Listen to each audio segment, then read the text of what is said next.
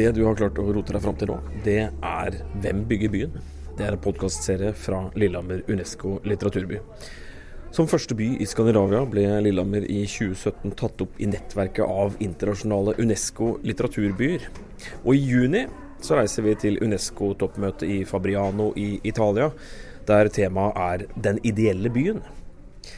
Denne podkasten er vår måte å lade opp til den reisen på, og her stiller vi følgende spørsmål. Hva er egentlig en velfungerende by? Hva skal til for at Lillehammer ikke bare kan overleve, men også utkonkurrere andre byer i åra som kommer? Hvordan er det å komme hit? Hvordan er det å jobbe og bo her? Hva vil det si å høre til på et sted? Hva er våre helt spesielle fortrinn, og ikke minst, hva bør bli bedre? Ok, vi starter denne podkastserien på Lillehammer bibliotek der det akkurat nå sitter en mann og venter på oss bak denne døra. Hei, jeg heter Gaute Brochmann.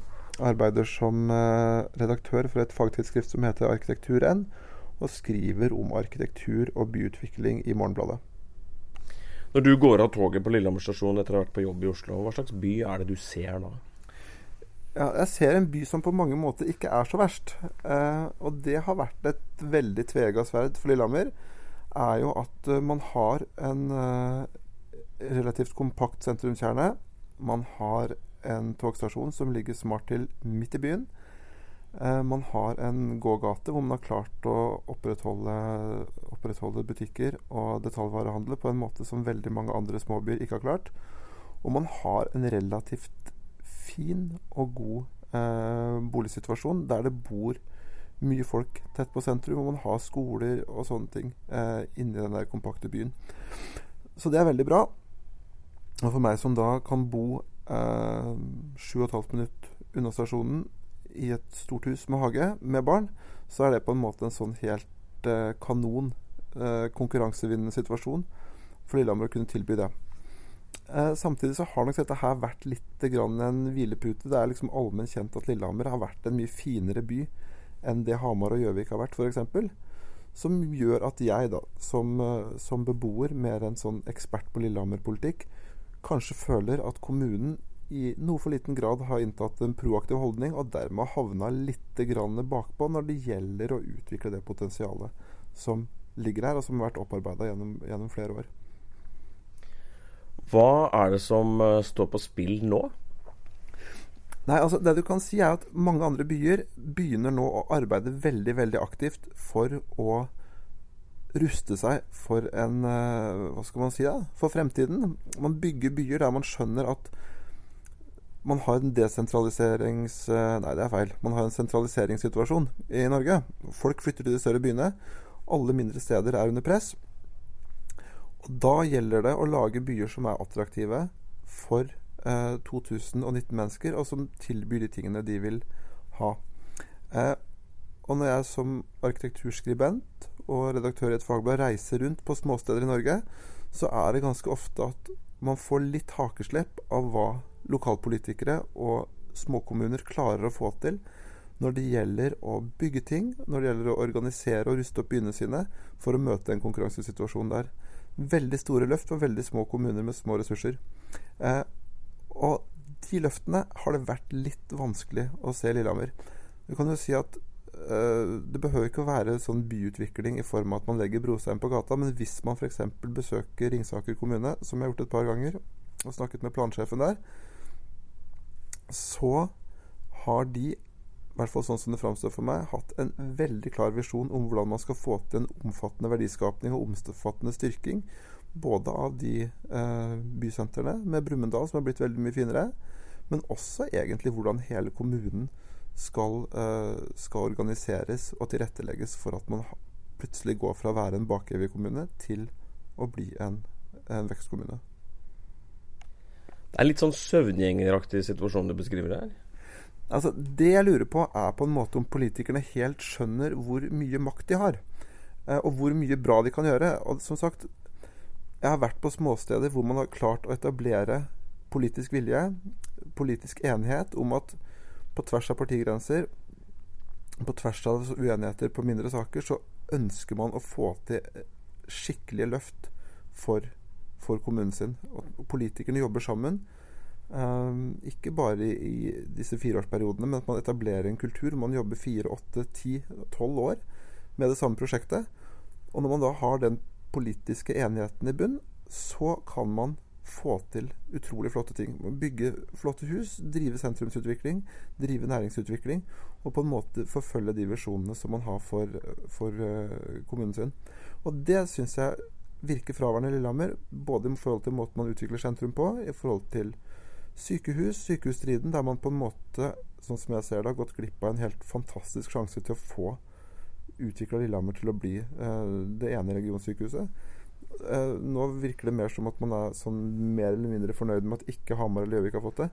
Den typen etterpåklokskap istedenfor å ha en proaktiv holdning, tror jeg er veldig Det er ikke direkte skadelig, men det er synd, for det er et potensial som er uh, er misbrukt og utnyttet, og det er på en måte politikernes ansvar. Der har de en mye større mulighet og et mye større handlingsrom enn det virker som de er klar over.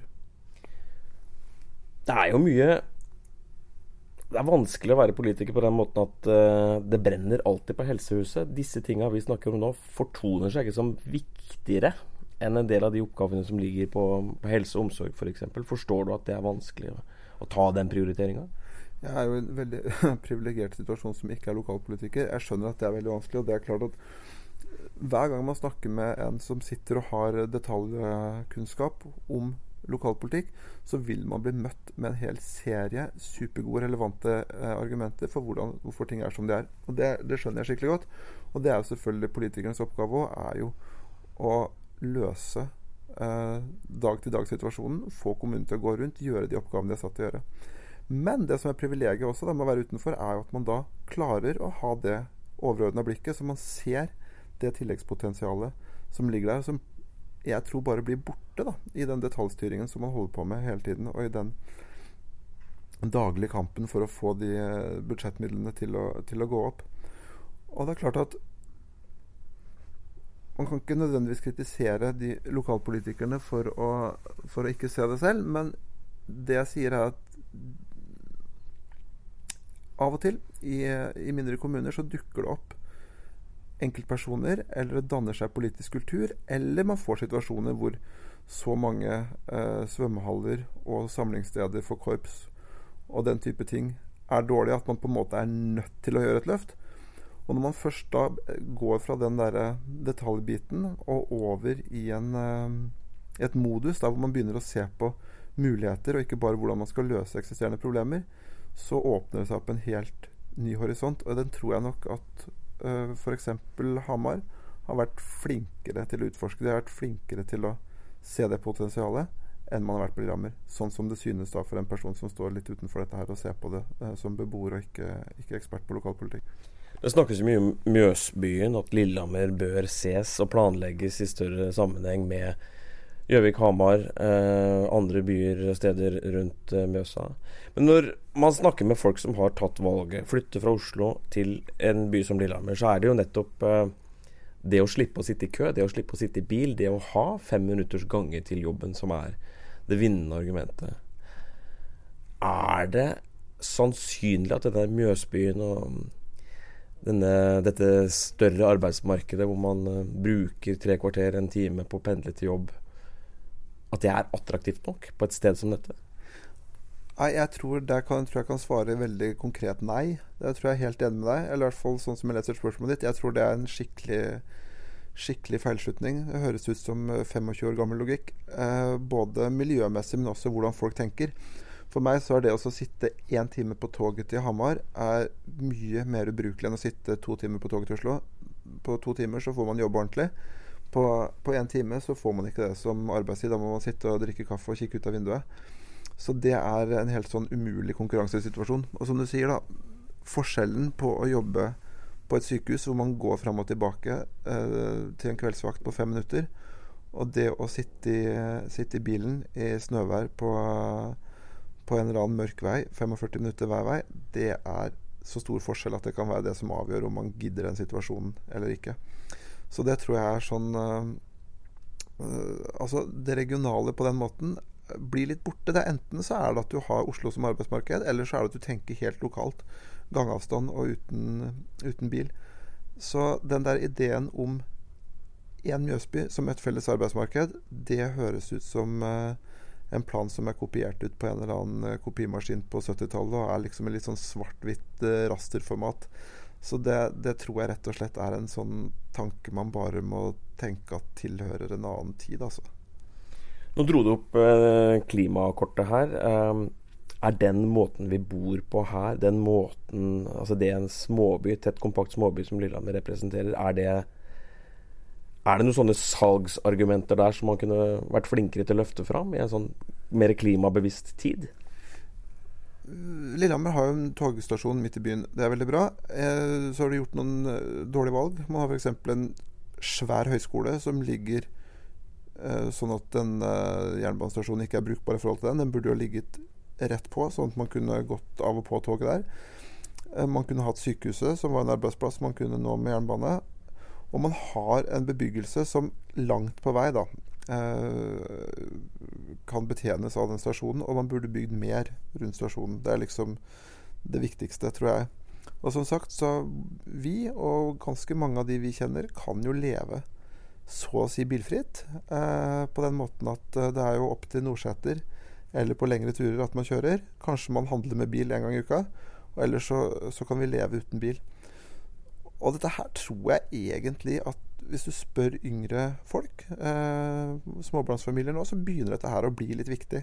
Det er flere jeg snakker med som altså For fem år siden så var det ingen som kvidde seg for å fly. Det var liksom de få. Nå er det på en måte en reell ting at folk drar ned til Gardermoen med en litt sånn vond smak i munnen. Og det derre skiftet der, det tror jeg er Altså For en by, da, hvis du skal få folk til å bo der, så handler det jo om at, uh, at den der totalpakka som tilbys, er, er uh, Skal man si ja, at den smaker godt. At du ikke får noen bismak av å bo der. Og da er det også å kunne bo klimavennlig, kortreist, og være i takt med, med den utviklinga. Det er også en av disse sånne tilsynelatende små konkurransefordelene som gjør at du velger det ene stedet foran andre. Samtidig så er det vanskelig å se for seg at uh, unge folk, folk i, i 20-åra, Ehm,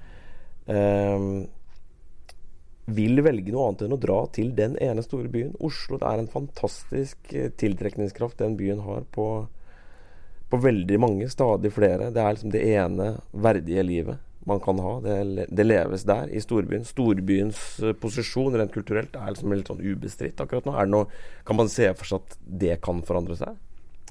Ja og nei. Altså, det er jo Altså, 20-årene er jo én ting. Da driver folk og studerer og har karriere. Og så kommer man litt opp i 30-årene, og så får man noen barn, og så, og så får man eh, litt andre prioriteringer. Det er ikke så lett å gå på teater eller kafé eller kino fem ganger i uka når du har to eller tre små unger hjemme, på en leilighet som begynner å bli litt liten. Sånn at det at folk trekker ut igjen når man er ferdig med å studere, det tror jeg kommer til å skje i større grad flere folk jeg snakker med, som nå begynner å se på en måte verdien av en enebolig med hage, jf. det å ha en leilighet på 65 kvadrat på Grünerløkka. Sånn at det å spå rundt det der er litt farlig, for at alle piler har nå veldig lenge pekt mot at det er sentralisering. Man leser i avisa at det er flere folk som velger å bo med eh, familie i Oslo indre by, og velger det livet. Men samtidig da, så er liksom de der attraktive stedene i Oslo, hvor det er virkelig urbant, hvor det er virkelig fint, det er ganske begrensa. Det er mye utrolig dølle steder også hvor du kan bo med familien din, og hvor du plutselig da må sitte på T-banen en og en halv time hver dag for å gjøre alle disse gjøremålene som man må, med jobb og arbeid og trening og unger og barnehage. Eh, da er plutselig to timer togtur og en veldig rolig, eh, gangbasert bosituasjon på Lillehammer å foretrekke. Og jeg tror nok at Samtidig som, eh, som, arbeidsmarkedet også gjør, sånn som det er i mitt tilfelle, at man kan jobbe mer hjemmefra. Et, eh, et godt eh, bredbånd og en mobiltelefon kan på en måte svare ut et par arbeidsdager, sånn at du ikke trenger å dra inn hver dag.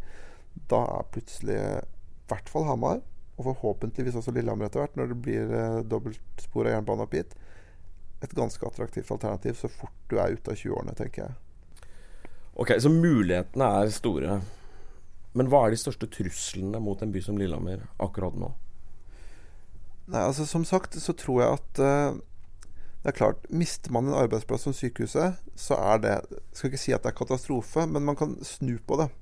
Som jeg har gjort når jeg snakka med andre folk om dette. Så sier de at et uh, sykehus i Moelv er ikke så ille. Det er kort dit.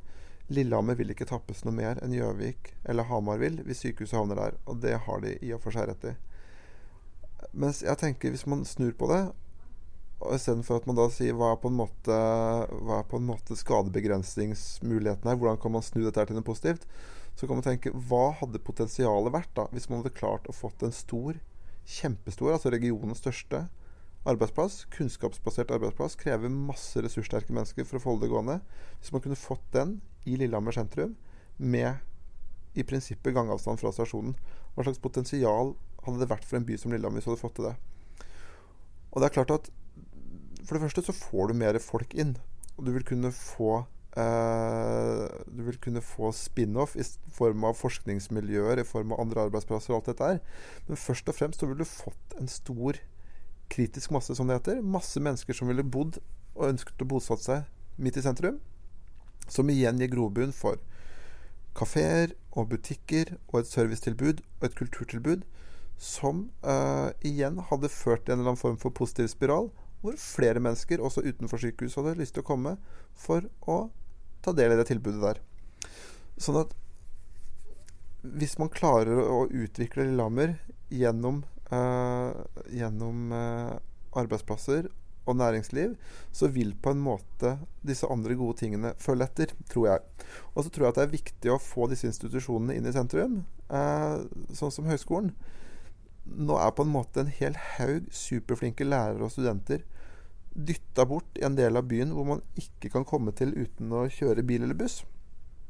Hvis alle disse menneskene her, istedenfor å sitte på kantina ute på høyskolen, hadde brukt Lillehammer sentrum aktivt hver eneste dag, så er det på en måte i seg selv nok til å skape en mer levende by, bedre grobunn for lokalt næringsliv, og også tenker jeg at de leilighetene som bygges øh, i Mesna-senteret nå, hadde blitt kjøpt opp av folk som bor og jobber i byen, og ikke folk som kanskje, som jeg er redd for at vil skje, kjøper det som en slags uh, byhytte og tenker at det, er, uh, at det er en sånn sesongbolig hvor man da kan gå på ski og gjøre, og gjøre den typen ting. Um, som på en måte også er bra for byen i den forstand at man, at man får solgt leiligheter. Men det gir mindre tilbake til sentrum enn hvis man tenker bolig, service og næringsliv i ett. Og at man tenker at dette her skal inn i sentrum av Lillehammer, med gangavstand fra stasjonen, og som en del av en strategi for å styrke det eksisterende sentrum. Men Gaute Brochmann, De to tinga du snakker om nå, det er vel relativt vanskelig å snu? Altså Det med å få et uh, nytt hovedsykehus på Lillehammer, det er liksom politisk umulig. Å flytte høyskolen inn i sentrum er politisk og økonomisk umulig, vil mange hevde. Um, det er veldig lett, da, og dette her er en privilegium med å ikke være lokalpolitiker, er at det er lett å da uh, gå på visjoner og hvordan ting burde være. og Man kan også koste på seg å være etterpåklok, noe som jo er en veldig, veldig behagelig ting. Uh, men allikevel, da, så er det nå engang sånn at ting ligger ikke dønn fast. Alt det vi snakker om nå, er menneskeskapte ting som man kan gjøre noe med. Og Hvis man ser på Stavanger f.eks., hvor jeg var for nylig, så har du også et kjempesvært universitet. Kjempesvær campus som ligger enda lenger utafor byen, helt på kommunegrensa. Eh, bare bilbasert. De har jo ikke noe bybane eller noe trikk eller noe T-bane eller noen ting i Stavanger. Og der er det en kjempediskusjon om hva man gjør med dette her. Helt reell diskusjon. Skal det flyttes inn i sentrum, eller skal det bli liggende der? Skal man få til en bybane ut dit, løser det problemet, eller må man få dette her tettere på resten av byen? Og det er klart at den diskusjonen den kommer da nå kanskje 30-40 år etter at eh, stedet ble etablert. Det har liksom fått vokse fram til det. Det er ikke sånn kjempelangt det i, eh, i livstida til en by. Sånn at hvis Lillehammer hadde bestemt seg for i dag at man i løpet av 20 år skulle få den høyskolen inn til sentrum, og gjøre det til en hjørnestein i hvordan man bygde Lillehammer som by, så er klart det er mulig. Det er bare at i et fireårsperspektiv for en lokalpolitiker, så virker det helt uoverkommelig. Så det krever tverrfaglig enighet og på en måte en sånn derre tverrpolitisk nedfelt plattform om at man ser verdien av dette her, ønsker å gjøre det og ønsker å ta tida til bruk. Sånn at det å skifte fokus fra fireårsperioder og korte perspektiver til lange perspektiver, så er plutselig sånne ting som det er mulig, eh, mener jeg, så lenge man ser verdien av det. Har vi en småbypolitikk i Norge? Det, jeg tør ikke å uttale meg om det. Helt umulig. Det jeg kan gjøre, da, som, som uh, ren, sånn basert på ren empiri, er jo det jeg ser f.eks. hvis jeg har vært i Kolbotn. Der hadde de en ordfører uh, på 90-tallet som het Sylvi Graham, høyrepolitiker. Hun satt der i fire perioder eller noe sånt, og havna på Stortinget etterpå. Og hun gjorde det. altså Der flytta de ikke bare høyskolen, de flytta hele sentrum. Flytta hele Kolbotn sentrum, bygde det på nytt igjen med et kjøpesenter, med masse leiligheter, med et svært kulturhus. Langt på vei kommunalt og offentlig finansiert alt sammen. Og som hun sa, det de gjorde, var at hver gang det hadde vært valg, så tok de nye kommunestyrerepresentanter med seg på tredagersseminar, hvor de lærte dem opp i hva det var de prøvde å oppnå. Fikk dem til å skjønne viktigheten av det, og gjorde dem i stand til å videreføre denne visjonen her. Som gjorde at Kolbotn da har klart å gjøre noen løft som er helt, helt uproporsjonale med størrelsen på den kommunen. Eller hvis man er i Stjørdal, der de har bygd et kjempestort øh, kulturhus midt i sentrum. Veldig påkosta, kjempeflott. Øh, som er en del av en strategi for hvordan et sånn typisk utvarma sentrum, der kjøpesentrene har trukket all, all kraft ut av, uh, ut av den småbyen, er liksom situasjonen fra starten av. Så bygger man det kjempestore huset, men ikke bare det. Man har også en plan i bunn for hvordan dette her kan skape synergier for skole, næringsliv, eldreomsorg, alt sammen. Og så får man til sånn, et kvantesprang da, i den kvaliteten man tilbyr eh, befolkningen i, i Stjørdal. Og man gjør det fordi at det ligger et politisk initiativ og en sånn tverrfaglig, tverrpolitisk vilje i bunn. Og du kan si at det er sånn typisk eksempel når jeg snakker om dette her, så er det sånn Han som til slutt endte som kommunens eh, kommunens representant, eller kommunen, han i kommunen som holdt dette her, det var en Frp-politiker. Ung fyr. I starten vært dønn imot. Så begynte han på en måte å se at dette her var ikke noen jippo. Dette her var, dette her var en helt sånn konkret måte å løse en serie med vanlige kommunale utfordringer på i forhold til skole, i forhold til helse, i forhold til kultur. Skjønte han det? Dyktig politiker. Drev dette her gjennom er nå kjempestolt av et kulturhus som er i en sånn type mangemillionersklasse at uh, det vanligvis skulle vært helt utenkelig å tro at det går an å gjennomføre noe sånt på et så lite sted. Sånn at disse eksemplene her viser på en måte at hvis den politiske viljen og politiske forståelsen ligger der, så kan man få til helt utrolige ting. Man må på en måte bare uh, få en bred politisk enighet om det, og man må kjøre lange, langsiktige, gode prosesser som går langt over disse fireårsperiodene som det virker som folk da ofte tenker innenfor, eller tenker gjennom når det gjelder lokalpolitikk. Dette er lokale eksempler, og det fins eh, flere av dem.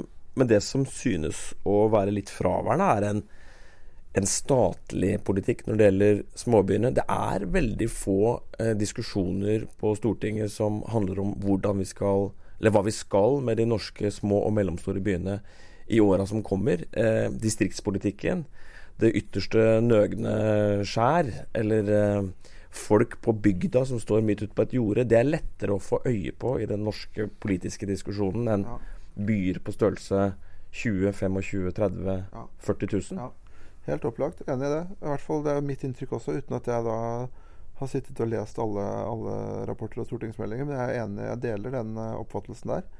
Um, og så ser man da at uh, en, del, uh, en, del, mindre byer har kapasitet til å gjøre ting med det sjøl. Kanskje er det også derfor politikerne uh, nasjonalt føler at de ikke behøver å ta i det. For de tenker at dette her, mer enn bygdene, da, at dette her er ting som kan løses lokalt. Og Nå nevnte jeg to eksempler, men jeg bør ikke tenke så innmari lenge før jeg finner andre mindre byer, fra Ulsteinvik til Fredrikstad, hvor man på veldig forskjellige måter jobber ganske smart og strategisk og ambisiøst med, med, å gjenoppfinne seg i en uh, post internett uh, post-sentraliserings uh, post-bærekraftsdiskusjon-verden, og på en måte ruster seg for det på, på, på ymse vis. Så jeg tror jo at dette her er utfordringer som kan og bør løses lokalt, fordi at de lokale forutsetningene er så, er så forskjellige fra sted til sted også. Så, men her er ikke jeg noen ekspert. Det er litt vanskelig sånn på stående fot å se hva slags statlige strategier som egentlig hadde hadde hjulpet til å vært et kjempeløft, da. Men uh, det, det, kan kanskje du svare på hva du tenker på. Det som i hvert fall er sikkert, er at uh, vi har noen spennende år foran oss. Hvis vi ser fram mot 2030, hva er potensialet til Lillehammer, sånn som du ser det? Uh, nei, altså i lys av at uh, denne diskusjonen her skjer uh, en sånn UNESCO-by, kulturby-setting, så vil jo jeg si at, uh, at det som for meg, da, fra utsiden, som sagt, ser ut som en litt sånn enøyd satsing på å gjøre Lillehammer til et slags vintersportsted, er positivt, men for begrensa. Jeg tror at det å bygge videre på høyskole, det å bygge videre på kreativ næring og på den typen Skal man si da Altså ressurssterk og høykompetanse, det er eh, det er noe som har vært neglisjert i for stor grad. Og at man tenker dette her sammen med byutvikling, sånn som vi har snakka om. Sånn at man rett og slett får ressurssterke barnefamilier til å flytte hit, bli boende her, ta eierskap til byen. Det er liksom det aller, aller viktigste. At man velger Lillehammer i konkurranse med andre byer når man flytter ut. Så folk bor i Oslo. Så kommer han fra et sted og hun fra et annet sted, og så står det mellom da, Horten og Lillehammer, eller det står mellom, eh, mellom Sogndal og Lillehammer. Hva velger man? Da må Lillehammer på en måte ha så mange attributter at man tar det ene stedet fremfor det andre, uavhengig av om man er glad i å gå på ski eller ikke. Det, det tror jeg liksom er, eh, er pri én. Og så er det da å bygge videre på, på institusjonene, sykehus og Glap. Jeg tror at høyskolen er, eh, er liksom en nøkkel her. Eh, og så er det selvfølgelig, som sagt, å få politikere som, som rett og slett skjønner hvor mye eh, makt de har til å gjøre gode ting. Ikke bare til å løse problemet, men til å være visjonær og gjøre, og gjøre en forskjell sånn i, i det større også.